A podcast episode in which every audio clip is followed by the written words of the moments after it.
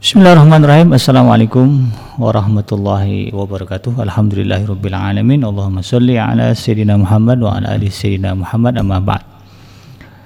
Alhamdulillah kembali berjumpa di udara di gelombang 1044 AM iDream Radio Successful Muslim Family dalam program rutin kita di setiap hari Selasa di jam 16 petang waktu Indonesia bagian barat yaitu program ngaji from home di mana kita akan sama-sama menghadiri kajian rutin yang akan disampaikan oleh uh, guru kita Al Ustadz Abdullah Haidar LC yang akan membahas berbagai tema dan untuk hari ini beliau akan uh, memberikan pencerahan tausiah kepada kita terkait dengan tema syafaat di dunia dan di akhirat. Baik tidak lama-lama kita akan langsung menuju kepada guru kita Al Abdullah Haidar yang akan memaparkan uh, tema kajian hari ini yaitu tentang syafaat di dunia dan di akhirat. Kepada beliau saya persilahkan. Assalamualaikum warahmatullahi wabarakatuh. Bismillahirrahmanirrahim. Alhamdulillahi rabbil alamin. Wassalatu wassalamu ala sayyidina Muhammadin wa ala alihi wa ashabihi wa man tabi'ahum bi ihsanin ila yaumiddin amma ba'd. Allahumma 'allimna ma yanfa'una wanfa'na bima 'allamtana. Allahumma zidna ilman nafi'a wa rizqan tayyiba wa amalan mutaqabbala wa adkhilna fi ibadikas salihin. Sahabat Adrim, di mana saja berada, semoga kita selalu berada dalam limpahan karunia, rahmat, barokah dan perlindungan Allah Subhanahu wa taala. Alhamdulillah kita kembali berjumpa dalam program ngaji from home untuk ya, mendalami dan menyegarkan kembali pemahaman kita terhadap ajaran Allah Subhanahu wa taala. Kali ini kita akan berbicara Eh, satu masalah ya yang juga kerap jadi bahan uh, perbincangan diskusi di tengah kaum muslimin. Ya ini juga memang dimasukkan dalam pembahasan-pembahasan uh, masalah akidah ya masalah tauhid. Ya sebelumnya kita sudah membahas tentang masalah uh, tawassul tabaruk ya tabarruk ya dan sekarang kita akan membahas tentang syafaat gitu ya. Apa itu syafaat? Ya para ulama mendefinisikan syafaat itu eh, dengan satu ungkapan at-tawassutu lil ghairi fi jalbil manfaati aw daf'il madarrah.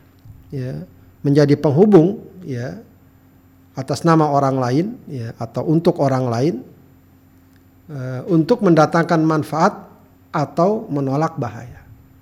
Ya, dia menjadi penghubung ya penengah untuk membantu seseorang dalam rangka ya, mendapatkan kebaikan atau menolak keburukan. Ya. Kalau bahasa sekarang mungkin ya penghubung itu ya atau istilahnya eh, apa namanya orang ketiga yang ingin membantu ya memuluskan sebuah keinginan atau terhindar dari sebuah keburu keburukan ya misalnya ya ada seseorang yang kesulitan katakan dia mendapatkan bantuan. Ya, padahal dia membutuhkan. Ya mungkin dia dari kalangan kecil masyarakat bawah begitu. Ya e, padahal dia seharusnya berhak juga. Ya cuma mungkin dia tidak punya akses dia tidak punya kenalan dia tidak punya jaringan. Maka kita berusaha menjadi syafaat baginya memberikan syafaat baginya Bagaimana? Kita hubungi, ya, kita sampaikan, kita laporkan bahwa si fulan si fulan membutuhkan ini ini. Ya, maka atas syafaat kita datanglah bantuan kepada orang tersebut. Ya. Atau misalnya seseorang ya dia mungkin melakukan sesuatu sehingga uh, dia terkena katakan denda ya atau hutang lah ya yang mungkin gampang dia punya hutang dia tidak bisa membayar Ya, sementara yang memberi hutang mungkin menuntut dia. Nah, kita dapat memberikan syafaat. Ya. Tolonglah dia, berilah keringanan kepadanya, begitu ya, atau dianggap lunas atau diberikan waktu agar dia dapat membayar hutangnya. Lalu pemberi hutang memberikan keringanan karena bantuan kita, karena syafaat kita. Nah, itu namanya syafaat. Syafaat ya itu memang uh, terkait dengan syafaat di dunia ya. karenanya memang uh, syafaat itu ada dua macam uh, ada dua jenis ya syafaat di dunia dan syafaat di akhirat. Ya, kita akan coba membahas permasalahan ini satu demi satu. Baik, terkait dengan syafaat dunia ini, ya, sebenarnya ada dua macam juga. Ya, syafaat duniawi itu ada dua macam juga, yaitu syafaat hasanah, ya, dan syafaat sayyi'ah. Syafaat yang baik dan syafaat yang buruk. Dalam surat An-Nisa ayat 85 Allah berfirman, "May yashfa syafa'atan hasanah yakun lahu nasibum minha wa may yashfa syafa'atan sayyi'ah yakun lahu kiflum minha." Barang siapa yang memberikan syafaat yang baik, ia akan mendapatkan bagian ya, atau pahala daripadanya. Ya, dan barang siapa memberi syafaat yang buruk, niscaya dia akan memikul bagian dosa daripadanya. Ya, jadi syafaat itu ada syafaat yang baik, ada syafaat yang yang buruk. Syafaat yang baik bagaimana? Ya tadi sudah kita contohkan ya. Syafaat yang baik ya itu membantu orang. Ya, membantu orang untuk mendapatkan kebaikan atau terhindar dari keburukan. Tentu dalam hal-hal yang baik ya ya, dengan cara yang baik dan hal yang baik seperti tadi orang tidak mampu, orang kalangan bawah, dia tidak punya akses, dia tidak bisa melakukan sesuatu, maka kita bantu. Kita sampaikan, kita bicarakan agar dia dibantu, maka dia dibantu. Ah itu syafaat yang yang baik. Begitu ya. Atau kita kenalkan seseorang, ini teman saya atau kerabat saya atau tetangga saya, mungkin tolong dibantu apakah dia mungkin butuh pekerjaan, butuh lowongan segala macam. Pada hal-hal yang baik tentu saja begitu ya. Itu namanya syafaat hasanah. Ya inilah yang kemudian juga banyak ya disebutkan dalam hadis-hadis uh, dorongan motivasi agar kita uh, dapat memberikan syafaat ya atau dapat menolong saudara kita dengan memberikan syafaat kebaikan kepadanya. Ya. Rasulullah dalam hadis riwayat Muslim mengatakan man nafasa an mu'minin kurbatan min kurabid dunya naffasallahu anhu kurbatan min kurabi yaumil qiyamah wa man yassara ala mu'sirin yassarallahu alaihi fid dunya wal akhirah siapa yang membantu mengatasi musibah dunia seorang mukmin Allah akan menolongnya dari musibah di hari kiamat dan siapa yang memudahkan orang yang sedang mengalami kesulitan Allah akan mudahkan urusannya di dunia dan di akhirat nah ini masuk juga dalam bab syafaat ya karena orang yang memberikan syafaat akan memudahkan dan meringankan urusan-urusan kesulitan-kesulitan yang dialami oleh saudaranya. Dalam hadis riwayat Bukhari, Rasulullah bersabda, "Isfa'u tu'jaru." Berikanlah syafaat, kalian akan diberikan pahala. Ya.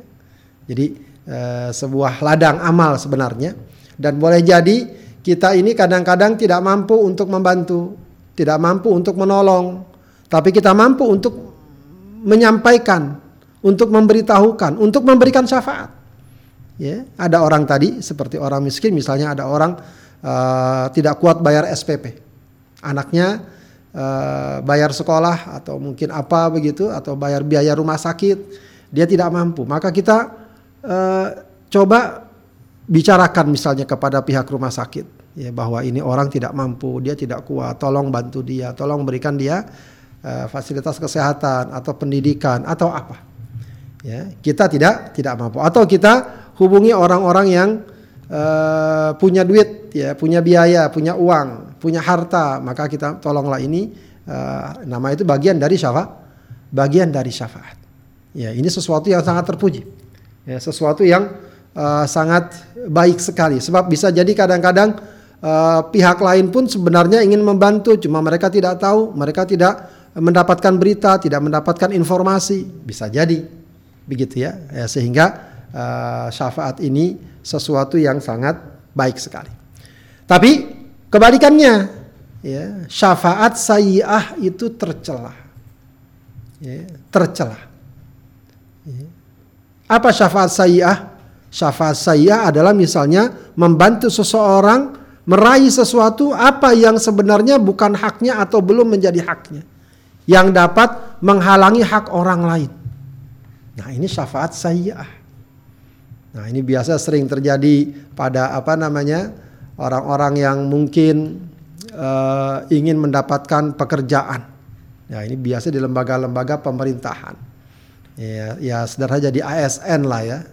Jadi PNS atau ASN, ya.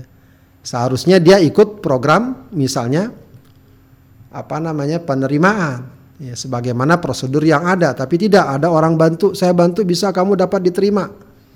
Ya, padahal bisa jadi dia belum tentu layak. Kalau seandainya dia ikut tes penerimaan seperti itu dia belum tentu lah belum tentu layak. Sehingga dia masuk ya ketika dia masuk tentu saja jatah untuk ya, diterima atau menerima orang yang ikut eh, tes secara prosedural akan berkurang atau juga perguruan-perguruan tinggi negeri segala macam. Nah, itu ada orang yang menggunakan ya apa namanya ya, hubungannya dan lain sebagainya agar seseorang bisa masuk ya. Padahal seharusnya lewat prosedur yang yang resmi.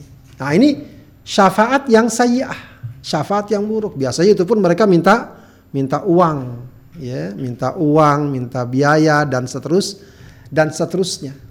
Begitu ya. Ini yang uh, kalau sekarang di, disebut dengan istilah apa koneksi dan lain sebagainya KKN lah ya semacam itu itu bagian dari syafaat sayyi'ah ini bagian dari syafaat sayyi'ah ya atau juga syafaat sayyi'ah adalah seorang orang yang seharusnya dia terkena hukuman terkena apa namanya ketentuan denda dan semacamnya dan itu sudah sesuai dengan ketetapan hukum namun ada orang yang berusaha Eh, bagaimana agar orang itu uh, tidak dihukum. Dia gunakan hubungannya, dia hubungi misalnya seorang pimpinan, tolong ini jangan dihukum segala macam. Padahal dia udah layak dihukum dengan perbuatannya.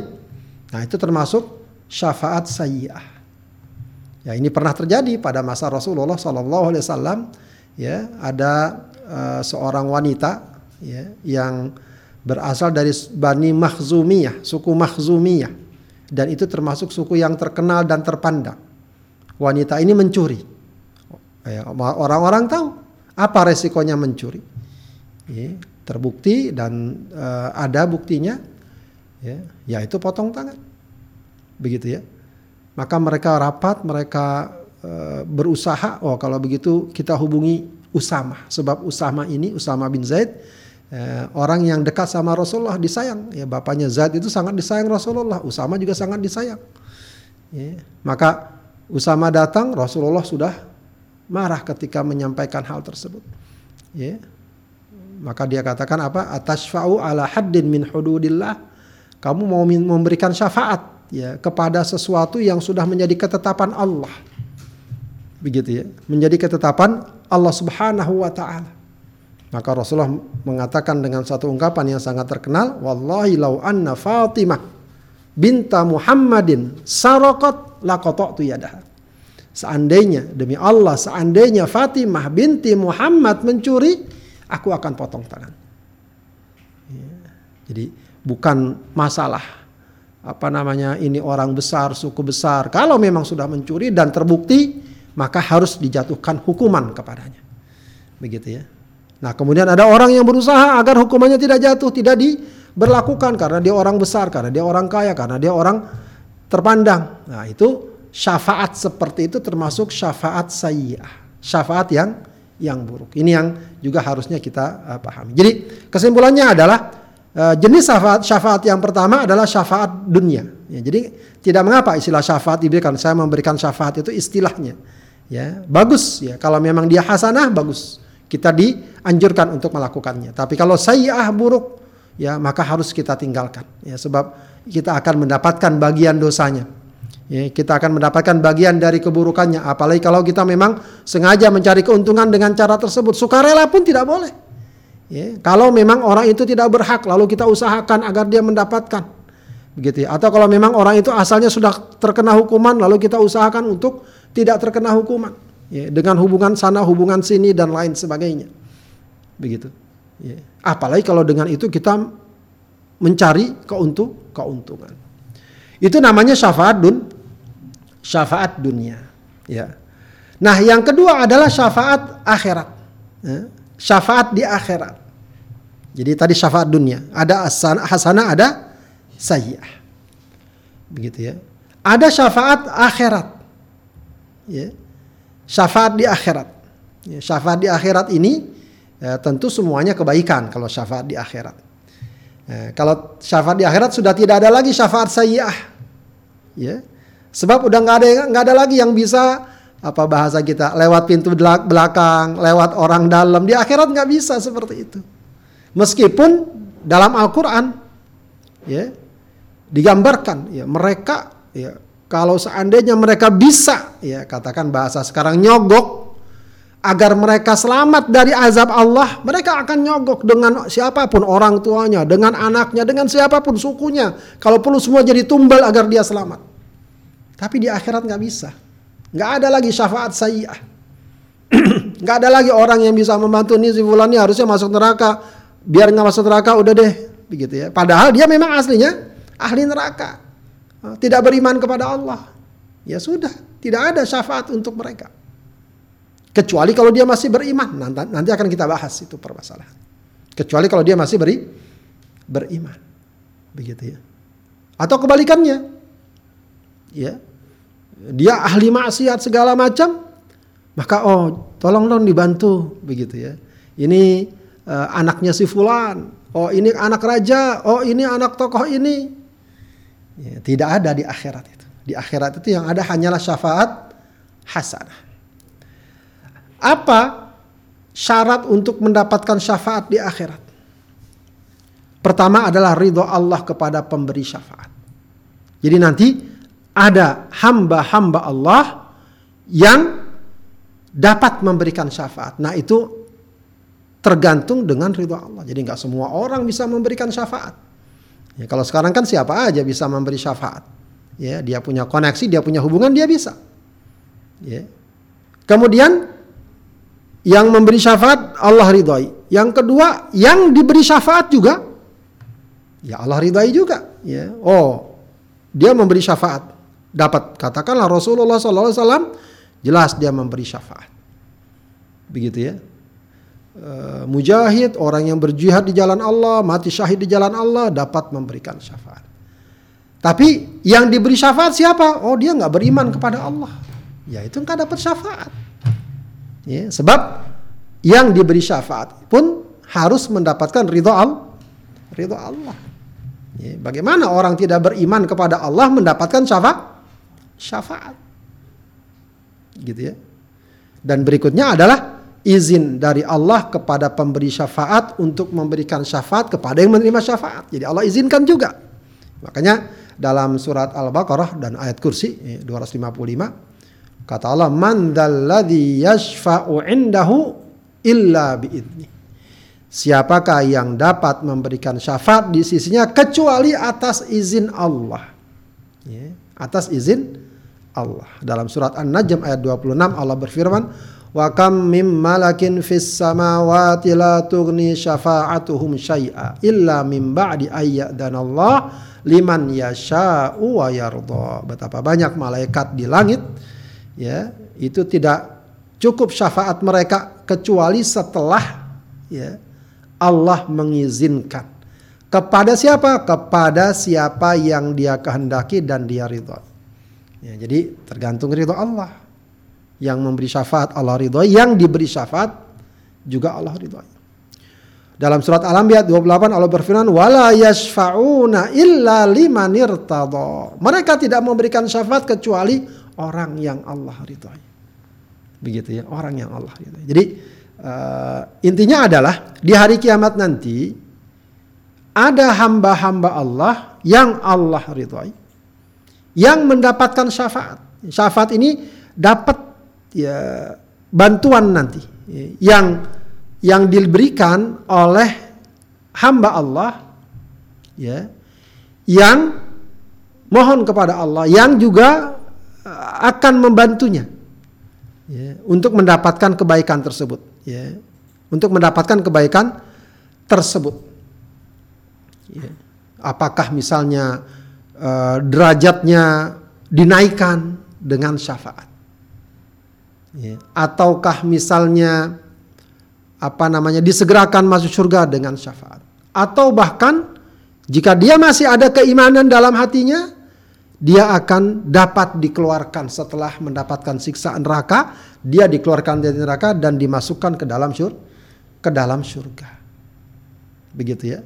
Ini eh, hal-hal uh, yang tentu saja ya kita mungkin bisa membayangkan ya di akhirat betapa beratnya ya betapa ya apa istilahnya ya uh, mengerikannya. Dan di sana tentu saja yang paling diharapkan adalah bantuan-bantuan pertolongan-pertolongan. Dan itu ada hanya dalam bentuk syafaat. Ya, maka tentu kita sangat berharap ya di hari kiamat nanti semua kita ya mendapatkan syafaat Rasulullah Wasallam dan syafaat yang lain yang memang Allah beri, yang memang Allah berikan. Baik, syafaat di akhirat pun ada dua jenis sebenarnya juga. Cuma bukan syafaat hasanah dan sayyah sebagaimana syafaat dunia. Syafaat di akhirat pun ada dua jenis. Pertama, syafaat yang bersifat umum. Apa maksudnya syafaat yang bersifat umum? Bahwa syafaat ini dapat dilakukan dan diberikan oleh selain Rasulullah Shallallahu Alaihi Wasallam. Ya, berdasarkan petunjuk Al-Quran dan hadis. Jadi ada selain Rasulullah di hari kiamat itu yang dapat memberikan syafaat. Para nabi, para malaikat tadi juga sudah disinggung. Ya, malaikat itu tidak bisa memberikan syafaat kecuali atas izin Allah. Izin Allah. Puasa, nanti kita akan dikit lagi masuk bulan puasa, bulan Ramadan. Puasa itu ibadah yang dapat memberikan syafaat. Al-Quran, ketika kita suka baca Al-Quran, maka kita akan mendapatkan syafaat Al-Quran. Ya, dalam hadis disebutkan bahwa puasa dan Al-Quran itu ya, dapat memberikan syafaat kepada orang yang melakukannya. Ya, dalam Al-Quran jelas ya tentang Al-Quran dalam hadisnya jelas Iqra'ul Quran fa innahu ya'ti yaumal qiyamah syafi'an li ashabihi. Bacalah Al-Quran karena nanti di hari kiamat dia dapat memberikan syafaat kepada orang yang suka membacanya. Ya tentu semuanya beriman, membacanya, mengamalkannya. Nah, itu akan mendapatkan syafaat dari Al-Quran. Para syuhada juga dapat memberikan syafaat dari uh, kepada kerabatnya para syuhada. Orang yang mati syahid di jalan Allah dapat memberikan syafaat. Orang-orang soleh, orang-orang soleh, kita punya teman orang soleh, bergaul dengan orang soleh, insya Allah mereka juga dapat memberikan syafaat, syafaat, dapat menolong.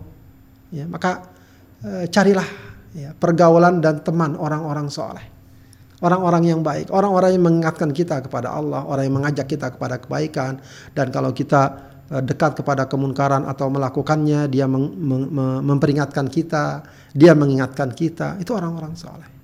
Ya. Di dunia saja mereka akan banyak menolong kita, di akhirat pun kesolehan mereka, ketakwaan mereka, insya Allah akan dapat membantu kita. Itu uh, syafaat yang pertama, yaitu syafaat yang bersifat umum. Ya. ya dalam satu hadis, misalnya hadis riwayat Tirmidzi, Eh, dan Ibnu Majah Rasulullah berfirman lis indallahi sittu khisalin. Orang yang mati syahid di sisi Allah ada enam perkara. Ya. Yaghfiru lahu fi awwali duf'atin min dami ya. Allah Subhanahu wa taala ampuni dosanya sejak tetesan pertama darahnya. Wa yura maq'aduhu minal jannah. Dia sudah diperlihatkan tempatnya di surga. Ya wa yujaru min adzabil qabri. Diselamatkan dari azab kubur. Wa ya'manu minal faza'il akbar. Di akhirat itu orang-orang kaget setengah mati segala macam dia aman. Dia tenang. Ya. Wa yuhalla iman. Dia pun akan dihias diberikan perhiasan dengan hiasan keimanan. Wa yuzawwaju minal huril ain. Ya, dikawinkan dan nikahkan uh, dengan para bidadari kemudian wa yushaffa'u fi sab'ina insana min aqaribi. Dia akan dapat diberikan hak untuk memberikan syafaat kepada 70 orang kerabatnya. Ini menggambarkan apa? Bahwa selain Rasulullah ada yang dapat memberikan syafaat. Ya. Ya. Di antaranya adalah, adalah orang yang mati syahid di jalan Allah Subhanahu wa taala. Itu yang pertama. Yang kedua, jenis syafaat yang kedua di hari kiamat adalah asyafaatul khassah. Syafaat yang sifatnya khusus.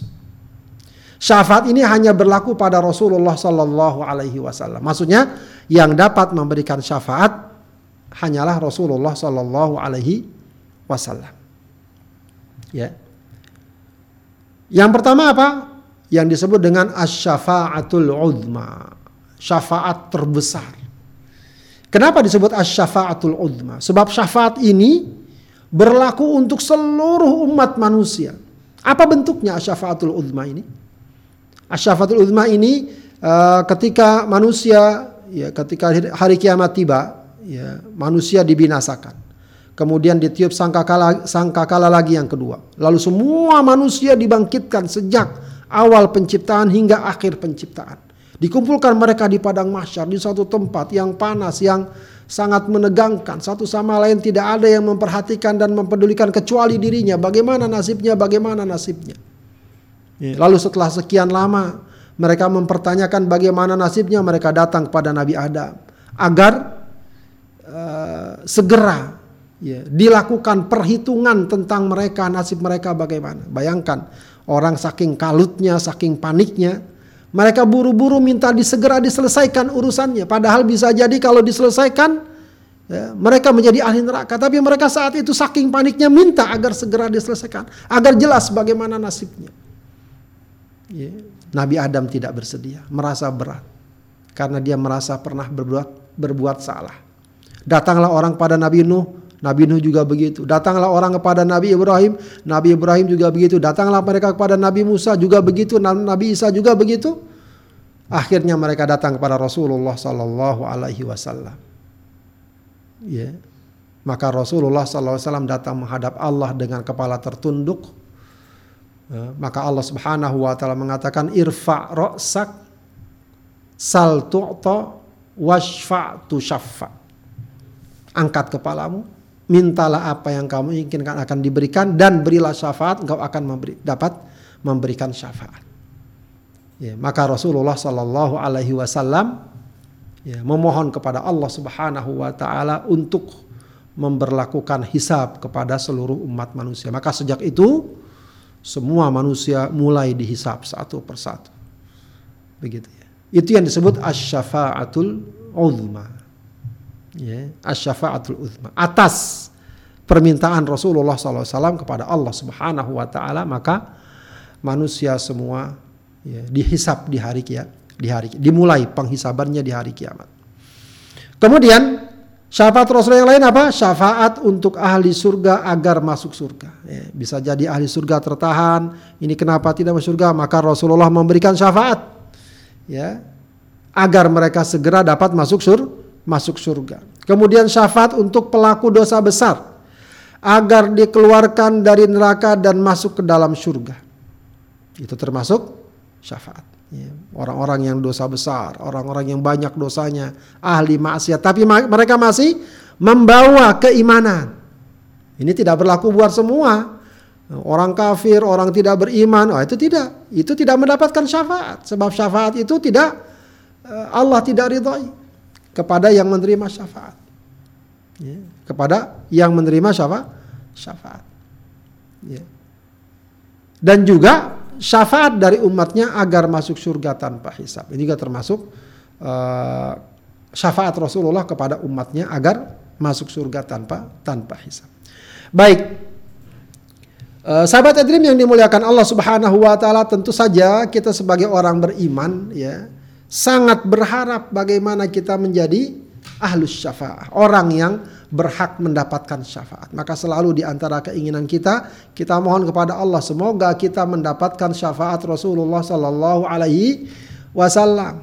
Ya, selain syafaat-syafaat yang lain yang juga Allah berikan, begitu ya. Nah, yang paling yang tidak kalah pentingnya dalam masalah ini adalah ya bagaimana kita ini menjadi orang yang layak mendapatkan syafaat. Begitu ya. Jadi selain kita berdoa mohon kepada Allah, maka juga kita dituntut untuk memantaskan diri kita. Ya, memantaskan diri kita agar layak mendapatkan syafaat. Ya, jangan cuma pengen saja, saya pengen dapat syafaat Rasulullah. Iya pengen. Ya, tapi pantas nggak kita menerimanya? Begitu ya. Ya samalah dalam urusan dunia ya. Ya saya pengen lah ya punya rumah, punya apa. Ya semua pengen. Ya. Cuma kadang-kadang ada orang yang hanya pengen saja tapi nggak pantas. Nggak pantas apa ya? Nggak mau kerja gimana dia dapat kebaikan. Ya. Mau sungguh-sungguh dia belajar bagaimana dia mendapatkan apa yang dia inginkan. Nah begitu pula kita ingin mendapatkan syafaat Rasulullah Sallallahu atau mendapatkan syafaat di hari kiamat, maka jadilah orang yang layak mendapatkan syafaat. Syafaat. Ya. Baik, uh, bagaimana agar kita mendapatkan syafaat Rasulullah SAW atau syafaat secara umum? Ya, syafaat ammah baik dari orang soleh, dari para nabi, dari para malaikat, dari para syuhada. Ya. Pertama, yang jelas adalah tauhidullah, bertauhid kepada Allah. Ya. Beriman kepada Allah, ini perkara dasar bagi kita untuk mendapatkan syafaat di hari kiamat khususnya syafaat Rasulullah Sallallahu Alaihi Wasallam. Maka sebagaimana kita katakan tadi, seiring dengan keinginan kita untuk mendapatkan syafaat, ya, hendaknya kita rawat, kita jaga, kita pelihara, kita tumbuhkan, kita suburkan keimanan kita kepada Allah Subhanahu wa taala. Ya, keimanan kita kepada Allah Subhanahu wa taala. Ya, dalam satu riwayat dari Abu Hurairah radhiyallahu an dia berkata, Kila ada yang berkata, bertanya pada Rasul, "Ya Rasulullah, man as'adun nasi bi syafa'atika yaumal qiyamah?" Ya, wahai Rasulullah, siapakah orang yang paling bahagia nanti dengan syafaatmu di hari kiamat? Ya. Siapa ya Rasulullah? Orang yang paling bahagia dengan syafaatmu di hari kiamat. Rasulullah SAW ini orang yang juga sangat mengenal watak dan kepribadian sahabatnya. Maka sebelum menjawab dia komentar dulu. Laqad dzanantu ya Aba Hurairah. Aku sudah menduga wahai Abu Hurairah Allah yas'alan Allah yas'aluni an hadzal hadis ahadun awwalu minka. Eh, tidak ada yang bertanya tentang hadis seperti ini lebih dahulu kecuali engkau. Lima ra'aitu min hirsika 'alal hadis karena aku saksikan atau perhatikan engkau sangat uh, sungguh-sungguh ya sangat memberikan perhatian kepada hadis. Ya inilah yang menyebabkan Abu Hurairah ini menjadi sahabat yang paling banyak meriwayatkan hadis ya karena beliau sejak awal memang sudah concern untuk ya menghafal dan menghimpun hadis sebelum para sahabat lain concern uh, kepada hadis ya karena pada awalnya para sahabat concernnya untuk menjaga menghafal Al-Qur'an. Maka Rasulullah katakan, as'adun nasi bi syafaati yaumal qiyamah. Orang yang paling bahagia di hari kiamat dengan syafaatku. Kata Rasulullah, man qala la ilaha illallah. Orang yang mengucapkan. Ya. Kalau kaitannya la ilaha illallah dikatakan qala bukan cuma mengucapkan, mengucapkan dan meyakini. La ilaha illallah khalisan min qalbi. Ikhlas dalam hatinya. Ikhlas dalam artinya artinya apa? Murni. Ya, murni hanya kepada Allah. Tidak ada selain Allah yang disetarakan, disertakan dalam keyakinannya. Khalisan min qalbihi au nafsihi. Ya, murni dalam hati dan jiwanya. Maka ini menunjukkan bahwa orang yang bahagia, yang ingin mendapatkan syafaat Rasulullah, artinya apa? Jaga imannya, rawat imannya, hindari dari segala sesuatu yang dapat merusak, mengganggu, apalagi menggugurkan keimanan. Ya. Baik, kemudian Termasuk amal yang dapat menyebabkan kita mendapatkan syafaat di antaranya adalah mengulangi bacaan muadzin dan berdoa sesudah azan. Wah ini jangan jangan dianggap sepele. Kadang-kadang kita azan berkumandang santai saja. Ya, dengarkan, ulangi bacaan. Selesai azan kita doa. Nah ini juga paling tidak menuntut ya seseorang ini kalau sudah azan berkumandang ya sedapat mungkin dia hentikan segala aktivitasnya dan dia dengarkan lalu dia baca doa. Apalagi kalau dia udah siap-siap di masjid untuk ikut sholat berjamaah, wah itu lebih tinggi lagi fadilah dan keutamaan keutamaannya. Dalam hadis riwayat Bukhari Rasulullah bersabda man qala hina yasma'un nida. Ya, siapa yang membaca ketika uh, selesai ya mendengar suara azan ya apa bacanya Allahumma rabba hadhihi da'wati tammah was salatil qa'imah ati Muhammadanil wasilata wal fadilah wab'athu maqaman mahmudal ladzi wa'adtah. Ini bacaannya. Ya Allah pemilik seruan yang sempurna dan sholat yang akan ditegakkan berikan wasilah kepada Nabi Muhammad SAW dan keutamaannya dan keutamaan dan berikan kepadanya kedudukan terpuji yang engkau janjikan. Maka apa kata Rasulullah? Ya, halat lahu syafaati yaumal qiyamah. Maka dia berhak mendapatkan syafaatku di hari kiamat. Ya, maka jangan remehkan ya. ya ikut uh, bacaan muadzin dan kemudian kita baca doa setelah setelah azan. Ya, setelah setelah azan. Ya, dihafal tuh doanya, jangan sampai nggak dihafal. Ya, sudah uh, lama kita baca, kita dengar azan. Ya. Ya, kalau kita baca setiap hari, insya Allah hafal. Ya. Allahumma rabba hadhihi da'wati tammah wa salatul qa'imah ati Muhammadanil wasilata wal fadilah wa ba'athu maqaman mahmud alladhi wa'atta. Sederhana. Ya, ringan. Tapi janji syafaatnya sesuatu yang sangat berharga. Ya. Dalam hadis riwayat Nasai, Rasulullah juga bersabda, "Idza sami'tum al-muadzin faqulu mithla ma yaqul." Kalau kalian dengar azan, maka ucapkan sebagaimana yang diucapkan muadzin. Wa sallu alayya, lalu salawat. Jadi habis azan, dengar selesai la ilaha illallah, maka kita katakan la ilaha illallah, Allahumma salli ala Muhammad wa ala ali Muhammad. Kemudian kata Rasulullah fa innahu man shalla alayya salatan sallallahu alaihi asyrat. Orang yang salawat aku kepadaku sekali, Allah bersalat kepadanya sepuluh kali. Thumma sallallahu alil wasilah. Kemudian mintakan kepada Allah untukku al wasilah. Ya, al wasilah. Nah, do, al, maksudnya apa?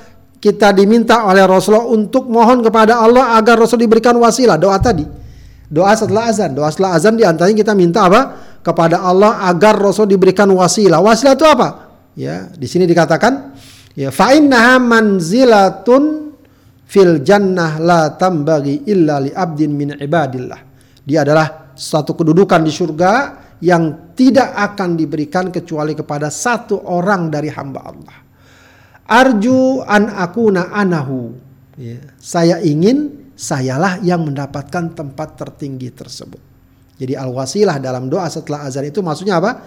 Tempat tertinggi di surga yang hanya diberikan kepada satu orang hamba Allah. Rasulullah ingin agar dia yang menempati tempat tersebut. Maka kata Rasulullah, "Faman sa'alali al-wasilah halat lahu syafa'ah." Siapa yang mintakan wasilah kepadaku untukku, maka dia berhak mendapatkan syafa syafaat. Ya. Baik, kemudian sering sholat. Ya, sholat hendaknya kita perbanyak. Ya, tentu kalau sholat fardu udah nggak bisa diperbanyak, berarti harus banyak sholat sun, sholat sunnah. Ya, sholat sun, sholat sunnah. Ya, ini terkenal sebuah hadis Rasulullah SAW dari seorang sahabat yang suatu kali melayani Rasulullah dengan baik, maka Rasulullah tawarkan, ah, mintalah sesuatu, apa yang kamu mau? Ya, maka dia minta kepada Rasulullah apa? Ya, hajati antasfa'li yaumal qiyamah. Ya, kebutuhanku dan keinginanku engkau berikan aku syafaat di hari kiamat. Ya, maka Rasulullah masih bertanya, "Waman dallaka ala hada?" Ya, siapa yang memberitahumu ya uh, tentang hal ini? Rabbi, Tuhanku. Ya, dalam Al-Qur'an tentu Allah jelaskan bahwa Allah dapat uh, mem, dapat memberikan syafaat kepada hambanya yang dia kehendaki. Qala ya, maka Rasul mengatakan fa'inni bikathrotis sujud. Tolong aku dengan memperbanyak sujud. Ya, jadi bahwa Rasulullah akan memberikan syafaat iya. Cuma masalahnya nanti seperti kita katakan, apakah kita pantas mendapatkan syafaat Rasulullah? Maka tugas kita memantaskan diri kita agar mendapatkan syafaat Rasulullah SAW di antaranya dengan rajin sholat. Ya, sholat fardu tentu saja perbanyak pula sholat sholat sun sholat sholat sunnah. Di bulan Ramadan nanti tentu saja banyak sekali ya kesempatan kita untuk sholat sunnah, sholat taraweh dan lain sebagainya. Kemudian termasuk juga perkara yang dapat membuat kita menerima atau mendapatkan syafaat ya, adalah uh, apa namanya bergaul dengan orang soleh, ya, bergaul dengan orang soleh. Ya, ini juga satu hal yang penting ya. buah dari bergaul dengan orang soleh ternyata bukan cuma di dunia saja kebaikannya. Di dunia itu bergaul dengan orang soleh, masya Allah, kebaikannya sangat banyak. Ternyata bukan cuma di dunia, di akhirat pun ya, akan kita rasakan kebaikannya. Kalau kita bergaul dengan orang dengan orang soleh. Ya, ini ada sebuah hadis riwayat Bukhari dan Muslim. Ya, kesimpulannya adalah ya apa namanya eh, orang-orang soleh nanti ya, di hari kiamat ya, akan memohon kepada Allah terkait dengan teman-temannya yang berada di neraka. Ya, mungkin ada di antara orang soleh itu punya teman kawan yang dulu makan bersama, pergi bersama. Maka dikatakan ya Rasulullah, ya Allah begitu ya, ya Arab kami. Ya, mereka puasa sama kami, sholat bersama kami, haji bersama kami. Ya mungkin saja manusia mungkin tergelincir, dia puasa tapi kemudian di lain waktu begini, dia pergi haji di lain waktu begitu, sehingga dia menjadi ahli neraka. Ya. Maka ketika orang soleh tadi mohon, ya, agar teman-temannya ini agar diselamatkan, maka datang perintah, keluarkanlah orang-orang yang kalian ketahui. Ya. Maka mereka memanggil, mereka mengeluarkan saudara-saudara dan teman-temannya itu. Ya, ini uh, satu hal yang uh, sangat penting juga bagi kita untuk ya bergaul ya dengan orang-orang yang dengan orang-orang yang soleh. Insya Allah di hari kiamat uh, jika teman kita, sahabat kita, dia jadi ahli surga dan la samahallah naudzubillah ya kita menjadi ahli neraka. Mudah-mudahan kita mendapatkan syafaat atau mereka bisa memberikan syafaat kepada sahabat-sahabatnya yang uh, menjadi ahli neraka. Kemudian rajin puasa dan baca Al-Quran. Ini juga termasuk carana kita untuk mendapatkan syafaat. Ya. Dalam hadis riwayat Ahmad dan Tabrani, Rasulullah mengatakan asyamu wal Quran yashfa'ani lil abdi. Ya, puasa dan Al-Quran dapat memberikan syafaat kepada seorang hamba. Nah, puasa nanti akan mengadu kepada Allah, ya Allah, ya aku telah membuatnya terhalang dari makanan dan syahwat di siang hari. Maka berikan aku syafaat untuknya. Ya. Al-Quran juga begitu. Ya Allah aku telah membuatnya tidak tidur di malam hari karena baca Al-Quran. Maka berikan aku syafaat untuknya. Maka fayus syafa'ani keduanya diberikan hak untuk memberikan syafaat kepada orang yang suka berpuasa dan suka membaca Al-Quran. Maka jangan males kita untuk selalu rajin berpuasa. Selain puasa Ramadan, puasa-puasa sunnah, baca Al-Quran juga selalu kita jaga apalagi di bulan Ramadan. Ya, agar kita menjadi atau berhak mendapatkan syafaat puasa dan uh, membaca Al-Quran. Baik, kemudian termasuk orang yang mendapatkan syafaat adalah menetap di Madinah. Wah ini sesuatu yang berat bagi kita ya. Bukan ahlul Madinah, tapi paling tidak niat, keinginan, kecintaan harus kita hadirkan. Dalam hadis riwayat Muslim, Rasulullah bersabda la yasbiru ala la'wa'il madinah wa shiddatiha ahadun min ummati illa kuntu lahu syafi'an yaumal qiyamah au syahida. Tidaklah seorang bersabar atas kesusahan dan kesulitan yang diderita di Madinah kecuali nanti aku akan menjadi atau memberikan syafaat dan saksi baginya di hari di kelak di hari kiamat. Ya, kelak di hari kiamat. Ini maaf bukan di Madinah salah. Begitu ya. Jadi uh, tinggal dan menetap di Madinah itu uh, dapat memberikan syafaat kalau dia sabar. Tentu saja kalau dia jaga keimanan, ketaatan dan seterusnya. Ya. Bahkan ada hadis Rasulullah manis tato'a an yamuta bil Madinah fal yamut biha. Siapa yang mampu meninggal di Madinah, dia meninggal di Madinah. Fa inni asfa'u liman yamutu biha. Aku memberikan syafaat orang yang meninggal di Madinah. Di Madinah. Ini fadilah dan keutamaan tinggal di Madinah, uh, kota Rasulullah Sallallahu Alaihi Wasallam. Kemudian memperbanyak orang yang sholat jenazah. Jadi kalau ada sholat jenazah, sedapat mungkin bagaimana agar yang sholat itu banyak.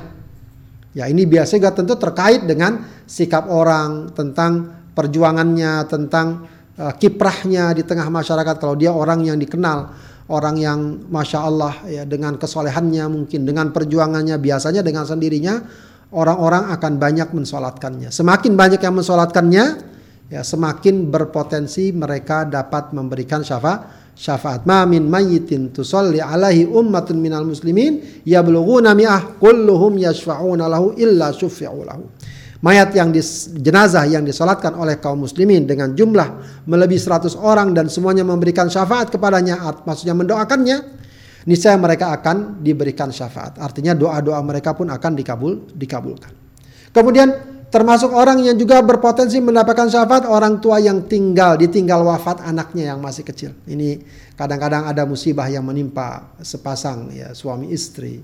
Ya biasanya mungkin uh, apa namanya di awal-awal uh, apa rumah tangganya itu kadang-kadang suka ada yang mendapati musibah yang tentu saja berat ya. Anaknya masih kecil, kadang sedang lucu-lucunya atau kadang baru lahir, belum lama lahir atau masih balita. Lalu entah dengan berbagai sebab meninggal dunia. Nah, ini merupakan hiburan, merupakan apa namanya balasan atas kesabaran mereka. Ya, di mana uh, Rasulullah wasallam bersabda, ya uh, ma min muslimaini yamutu bainahuma thalathatu auladin lam yablughul hinth illa adkhalahuma illa adkhalahuma Allah bi fadli rahmati iyyahum al jannah uh, yuqalu lahum udkhulul jannah fayaqul hatta yadkhula abauna fayuqal udkhulul jannah antum wa abaukum. Ya. Tidaklah seorang muslim ditinggal wafat tiga orang anaknya yang belum balik kecuali Allah akan memasukkannya ke dalam surga dengan karunia rahmatnya. Ya, dikatakan kepada mereka, masuklah ke dalam surga. Maka mereka berkata, kami nggak mau masuk sebelum bapak kami masuk. Ya, maka dikatakan pada mereka, masuklah kalian bersama orang tua kalian ke dalam surga.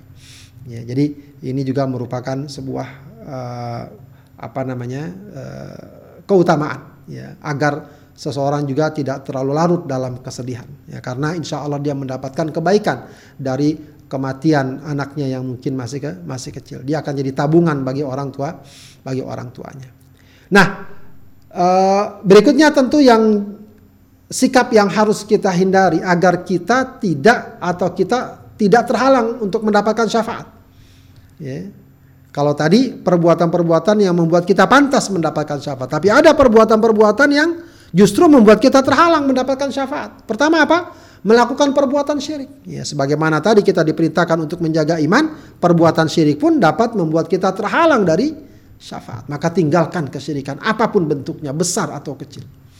Ya, kemudian melakukan kezaliman. Kezaliman itu akan menghalangi seorang dari syafaat. Ya, maka jangan mudah kita berbuat zalim. Ya, Jangan sampai kita merasa besar, merasa kuat, merasa bebas, merasa uh, aman dari hukum, dari kejaran manusia, dari apa lalu kita ringan berbuat zalim. Tidak. Allah Maha melihat, Allah Maha memantau, Allah Maha mencatat. Ya. Jangan dikira Allah tidak tahu dari perbuatan zalim walau kita bisa menghindar. Ya, dan di akhirat orang itu tidak akan mendapatkan syafaat. Kemudian kita ingkari syafaat. Ya, ya bagaimana orang bisa mendapatkan syafaat kalau dia mengatakan ah di, di akhirat nggak ada syafaat. Ya, ini perkara akidah. Ya, memang kesannya oh, kok ada syafaat kayak di dunia aja?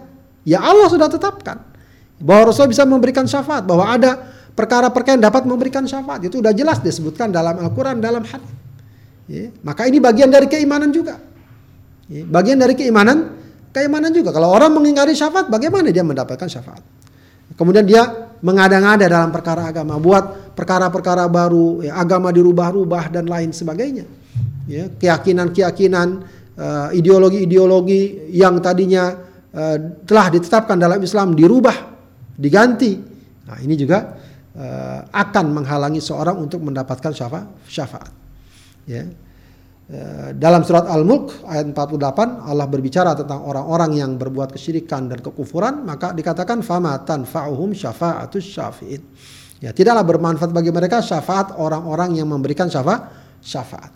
Ya. Dalam hadis muttafaq alaih uh, dikisahkan bahwa Rasulullah di hari kiamat itu di telaga ya, memanggil umatnya. Ya. Lalu kemudian ada orang yang dihalangi malaikat untuk mendatangi, mendatangi telaga Rasulullah. Kata Rasulullah itu umatku. Maka kata para malaikat, Inna kala tadri ma ahdathu ba'da. Engkau tidak tahu apa yang mereka perbuat ya sesudahmu. Nah, jadi ada yang menolak membayar zakat, ada yang menjadi nabi palsu ya, dan lain sebagainya.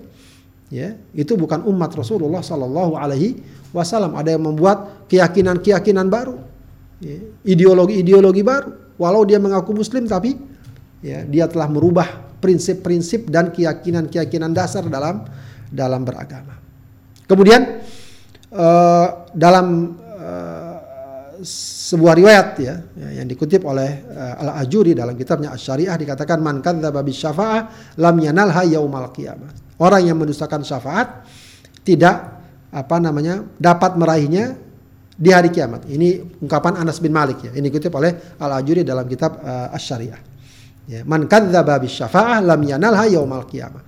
Siapa yang mendustakan syafaat tidak ada tidak akan dapat meraihnya di hari di hari kiamat. Ya, dalam hadis riwayat Tabrani Rasulullah mengatakan sinfani min ummati la lantana lahuma syafaati. Ada dua golongan dari umatku yang tidak akan mendapatkan syafaatku. Siapa? Imamun dolumun wa kullu ghalin fid din marikin minhu. Imam yang zalim, pemimpin yang zalim dan semua orang yang ya ekstrim, melampaui batas. Ya, dia memang ingin taat tapi ketaatannya melampaui batas. Sehingga banyak melakukan pelanggaran baik untuk dirinya atau untuk orang lain. Ya, jadi akhirnya misalnya gampang membunuh orang, gampang mengkafirkan orang, gampang menyesatkan orang. Ya, itu tidak tidak tidak boleh semestinya begitu. Walau atas nama semangat dalam beragama. Ya, jadi perbuatan zalim ya, dan perbuatan yang melampaui batas. Marikin minhu ya, orang yang sebenarnya keluar dari ajaran-ajaran dan panduan beragama. Baik, sahabat edim yang dimuliakan Allah Subhanahu wa taala, ya. Uh, itu uh, penjelasan ya, dan uraian tentang masalah syafaat baik syafaat dunia maupun syafaat akhirat ya semoga di dunia uh, kita orang yang pandai memberikan syafaat. Tentu saja syafaat hasanah. Ya banyak membantu orang terutama orang-orang lemah orang-orang yang sangat membutuhkan. Itu adalah medan dan peluang pahala yang sangat besar. Di akhirat semoga kita termasuk orang yang mendapatkan syafaat di akhirat. Dan dengan itu kita berusaha untuk memantaskan diri kita, merawat iman kita, merawat akidah kita, ibadah kita, ketaatan kita, dekat dengan Al-Quran, dekat dengan ibadah dan lain sebagainya. Agar apa? Kita layak menjadi orang-orang yang menerima syafaat di akhir di akhirat. Wallahu alam bisawab itu yang dapat saya sampaikan. Mohon maaf atas segala kekurangan. Wassalamualaikum warahmatullahi wabarakatuh. Waalaikumsalam warahmatullahi wabarakatuh. Kita ucapkan eh, jazakumullah kepada Ustadz Abdullah Haidir LC yang telah menguraikan kepada kita tema hari ini terkait dengan syafaat di dunia dan juga di akhirat. Eh, mudah-mudahan apa yang beliau jelaskan bisa menjadi ilmu bagi kita dan menambah eh, pemahaman kita serta eh, memberikan pencerahan ya terkait dengan apa yang seharusnya kita lakukan eh, untuk mendapatkan syafaat nanti karena memang pada dasarnya kita adalah makhluk yang lemah apalagi manusia disifatkan sebagai uh, makhluk khata wan nisyan ya tempat uh, tempatnya salah dan lupa. Uh, bagi anda sahabat Dream Radio yang ingin menyampaikan persoalan atau pertanyaan terkait dengan materi yang disampaikan oleh guru kita uh, meskipun tadi sudah gamblang ya sudah jelas sepertinya uh, tidak meninggalkan ruang uh, untuk bertanya ya. Tetapi in case kalau ada pertanyaan-pertanyaan atau hal-hal yang mungkin ingin dipertegas dan diperjelas kepada guru kita, Anda bisa menyampaikannya melalui nomor WhatsApp di 0822 atau juga bagi yang menyaksikan kita melalui channel YouTube, Anda bisa langsung menulis pertanyaan di kolom komentar untuk uh, apa namanya menyampaikan pertanyaan. Uh, ada waktu hingga pukul 17 15 ya sebetulnya. Jadi ada waktu kurang lebih 15 menit ke depan. Uh, kita berikan space ya kepada Anda sahabat Edrim yang ingin bertanya kepada Ustaz Abdullah Haidir LC. Baik Ustaz, uh, sambil menunggu kemungkinan uh, adanya pertanyaan dari jamaah terkait dengan materi yang Anda sampaikan. Uh, sedikit saya ingin bertanya sekaligus juga mungkin mudah-mudahan ini jadi uh, apa namanya eh, lahan diskusi juga Ustaz ya eh, sehingga bisa menjadi ilmu bagi sahabat Aidrim yang lainnya. Uh, Ustaz terkait dengan syafaat ini uh, ketegasannya kan hanya untuk orang Islam Ustaz ya. ya. Ya tidak akan diberikan kepada mereka yang tidak uh, yang bukan orang Islam lah Ustaz. Ya. Kalau pada posisi seorang anak yang katakanlah e, mendapati kenyataan lahir dari orang tua yang kafir misalnya lalu kemudian dia e, berusaha untuk eh, lalu kemudian dia mendapatkan hidayah ya. Dan berusaha sekuat tenaga untuk memberikan e, hidayah juga kepada orang tuanya. Kalau misalnya e, tidak terjadi Ustaz adakah peluang bagi seorang anak yang itu tadi ya yang mendapati kenyataan begitu sayangnya sama orang tua orang tuanya juga sayang lalu kemudian dia berharap uh, mungkin nanti bisa bisa memberikan syafaat ya, bagi orang tuanya ini kira-kira gimana Ustaz? Mungkin uh, dengan cara dia tadi tuh ya, dia menghafal Quran, dia menjadi ahli ah, ahli Quran atau dia uh, berusaha untuk ber, uh, apa? Uh, syahid di jalan Allah Subhanahu wa taala sehingga sebagaimana hadis disebutkan bisa memberikan syafaat kepada 70 orang kerabatnya. Ini kira-kira gimana Ustaz? Ya, uh, ya ini memang harus kita bedakan hmm. antara perasaan dan uh, kenyataan.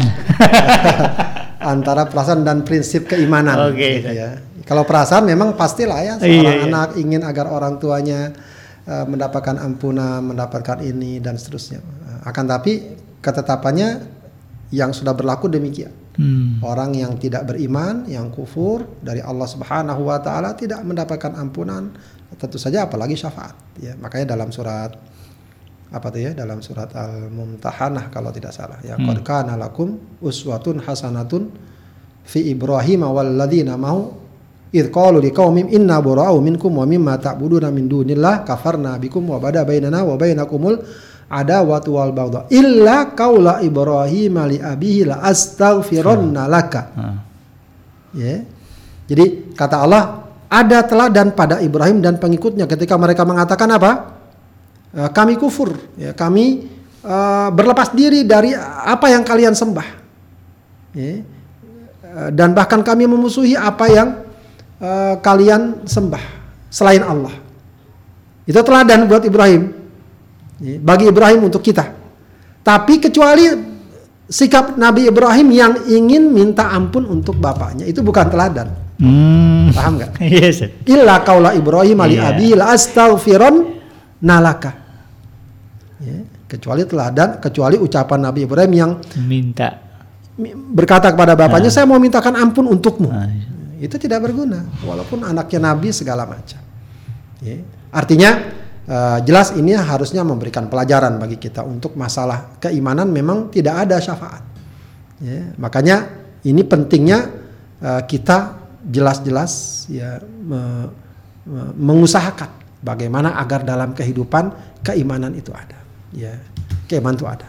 Ya, jangankan uh, kita ya Rasulullah SAW ya dengan apa namanya dengan kerabatnya banyak yang uh, tidak beriman dan seterusnya. Itu juga tidak memberikan uh, syafaat ya sebagaimana Rasulullah katakan juga apa namanya uh, man batta'a bihi amaluh lam yusri' bihi nasabu siapa yang diperlemah oleh amalnya tidak dipercepat oleh nasabnya oleh nasab oleh nasabnya ya jadi ya Allah katakan fama tanfa'uhum syafa'atus syafi' tidak bermanfaat bagi mereka syafaat orang-orang yang memberikan syafaat syafaat ya itu memang mungkin kalau kita rasakan aduh eh, berarti berarti begitu ya. Tapi ya itulah akidah, itulah keimanan kepada Allah Subhanahu wa taala. Ya, makanya iman itu yang utama. Hmm. Walau mungkin sedikit, walau mungkin sekecil apa pun jangan sampai jangan hmm. sampai hilang. Ya, tentu kita inginnya keimanan yang kuat, yang sehat dan seterusnya. Ya, wallahu alam bisawab. Uh, ada juga bisa uh, bukan perdebatan sih, tapi pertanyaan eh, pertanyaan-pertanyaan yang juga muncul dan kemudian ini menjadi uh, pembahasan yang juga kayaknya nggak selesai nih Ustaz. Apa tuh? Uh, terkait dengan uh, apakah Rasulullah SAW kemudian juga mampu memberikan syafaat kepada ayahanda dan ibunda beliau Ustaz? Ya, ya ini nanti perkaitannya ha. Perdebatannya apakah ayah bapak ibu Rasulullah itu muslim atau tidak, beriman atau tidak. Itu perdebatannya ke sana. Oke, okay, oke. Okay. Lalu kalau pada itu gimana Ini perdebatan yang panjang.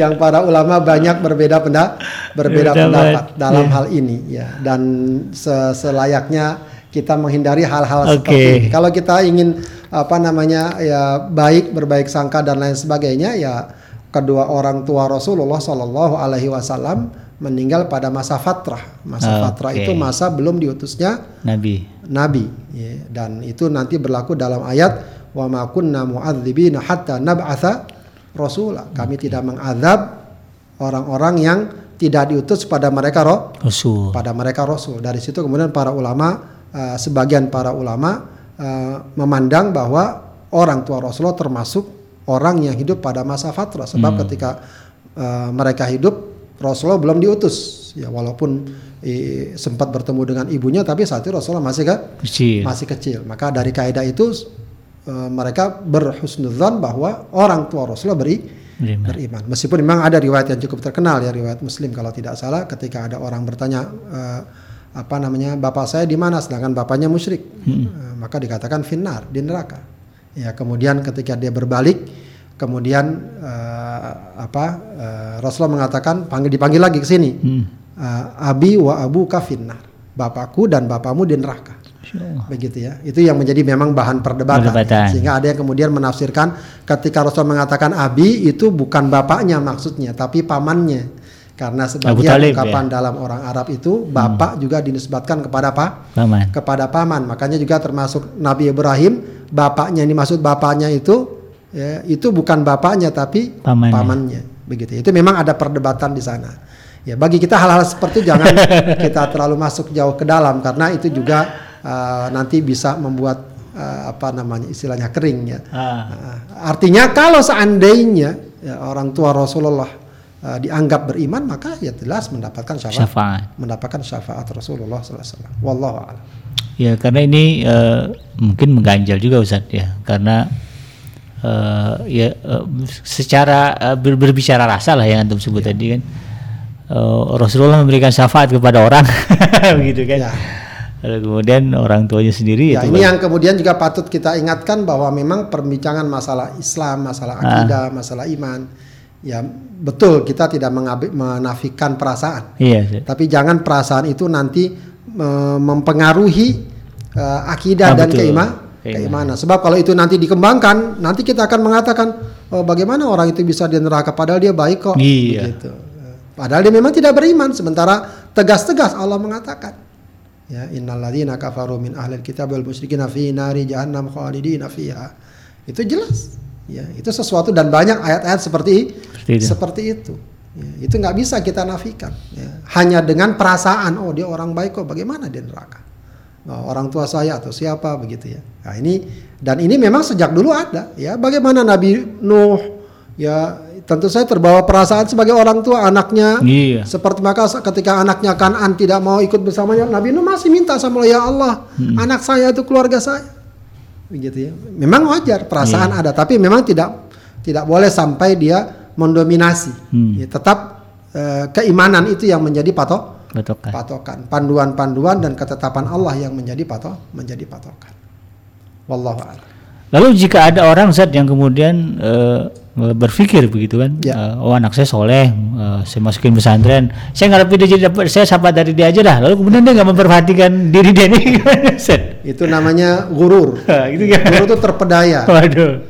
Terpedaya termasuk tulul amal. Ah, Tulul amal tuh orang maksiat tapi eh, rajin maksiat tapi eh, mengharapkan kebaikan-kebaikan. Oke. Nah, itu sesuatu yang bisa memperdaya. Bisa jadi dia mulanya begitu-begitu akhirnya dia tinggalkan keimanan. Oke. Kalau dia tinggalkan keimanan ya percuma walaupun anaknya beri Beriman. beriman walaupun anaknya menjadi ahlul jannah dan semacamnya. Dia tidak beriman karena awalnya merasa ringan-ringan ringan akhirnya jauh dari is dari Islam dia tinggalkan keimanan. Jadi itu yang juga harus diwaspadai. Ya, gurur. Ya, ya. Para sahabat ya, kurang apa mereka kalau pengen mau santai. Masya Allah. Ada sahabat yang 10 sahabat yang dijamin masuk surga. Iya. Ya, apakah dengan begitu mereka duduk diam oh, jam surga buat apa lagi? gitu kan? Ya, secara umum sahabat mereka dekat sama Rasulullah mendapatkan syafaat Rasulullah tapi tidak lantas membuat mereka berpangku tangan, diam, duduk, udah pokoknya udah selesai urusan. Begitu tidak. Ya, mereka tetap peduli dengan imannya, jaga imannya, rajin ibadah, dan seterusnya. Ya, maka kalau orang tua mera- mem- telah merasa ya anaknya soleh sudah dia selesai, tidak. Ya, Eh, sebab eh, kaedah dasarnya setiap orang dihisap masing-masing sesuai amalnya. Hmm. Jadi menghadap kepada Allah sendiri-sendiri. Wa kulun atihi yaumal qiyamati farda. Semuanya atas diri sendiri, bukan diwakilin sama anaknya, tidak, ya. Setiap orang datang sendiri-sendiri, tidak diwakilin oleh ketua kelompoknya, ketua grupnya, bapaknya atau anaknya tidak. Ya, kita dihisap masing-masing. Ya lagian jangan kemudian kita merasa oh enak ya nanti dapat syafaat udah dari neraka dikeluarin apa masuk neraka dulu gitu ya. Memangnya enak masuk neraka sedikit pun naudzubillah ya. Mudah-mudahan Iya. kita tidak, Tidak merasakannya. Wallahu a'lam. Iya, soalnya dulu saat zaman saya di pondok ada temen yang sekelas mengeluh gitu orang tuanya ngomong begitu. Dengan dalil anaknya kamu harus soleh, bapak ini nggak pernah sholat gitu kan, nggak pernah puasa. Mudah-mudahan nanti kalau bapak masuk neraka kamu selamatin bapak gitu. Ya saya juga dengarnya sedih juga gitu kan. Nah, rupanya ada orang-orang yang memang berpikir seperti itu.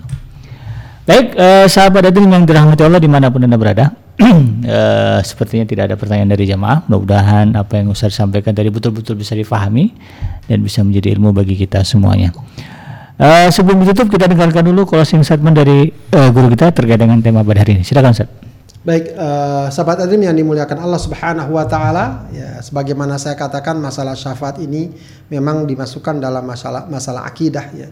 Karena ini memang masalah yang jelas dinyatakan dalam Al-Qur'an maupun dalam hadis. Setidaknya keimanan kita, keyakinan kita akan adanya syafaat akan mendorong kita untuk ya khususnya di hari kiamat mendorong kita untuk uh, sebagaimana tadi kita katakan memantaskan diri kita sehingga kita termasuk orang-orang yang layak mendapatkan syafaat Rasulullah Shallallahu Alaihi Wasallam dengan sifat-sifat dan kriteria-kriteria yang telah tadi kita sebut sebutkan. Ya, tentu saja uh, kita semua tentu berharap semoga kita semua ya, mendapatkan syafaat Rasulullah Shallallahu Alaihi Wasallam di hari kiamat. Amin. Amin ya rabbal alamin. Cukup sekian. Wassalamualaikum warahmatullahi wabarakatuh.